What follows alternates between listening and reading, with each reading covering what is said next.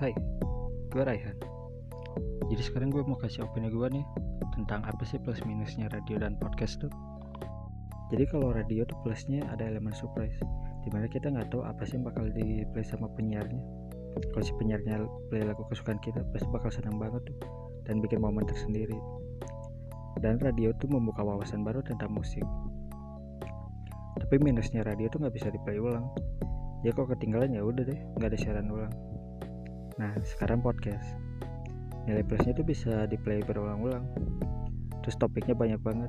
Jadi kita tinggal milih apa sih yang kita suka. Tapi kekurangannya podcast tuh belum semua orang bisa akses podcast.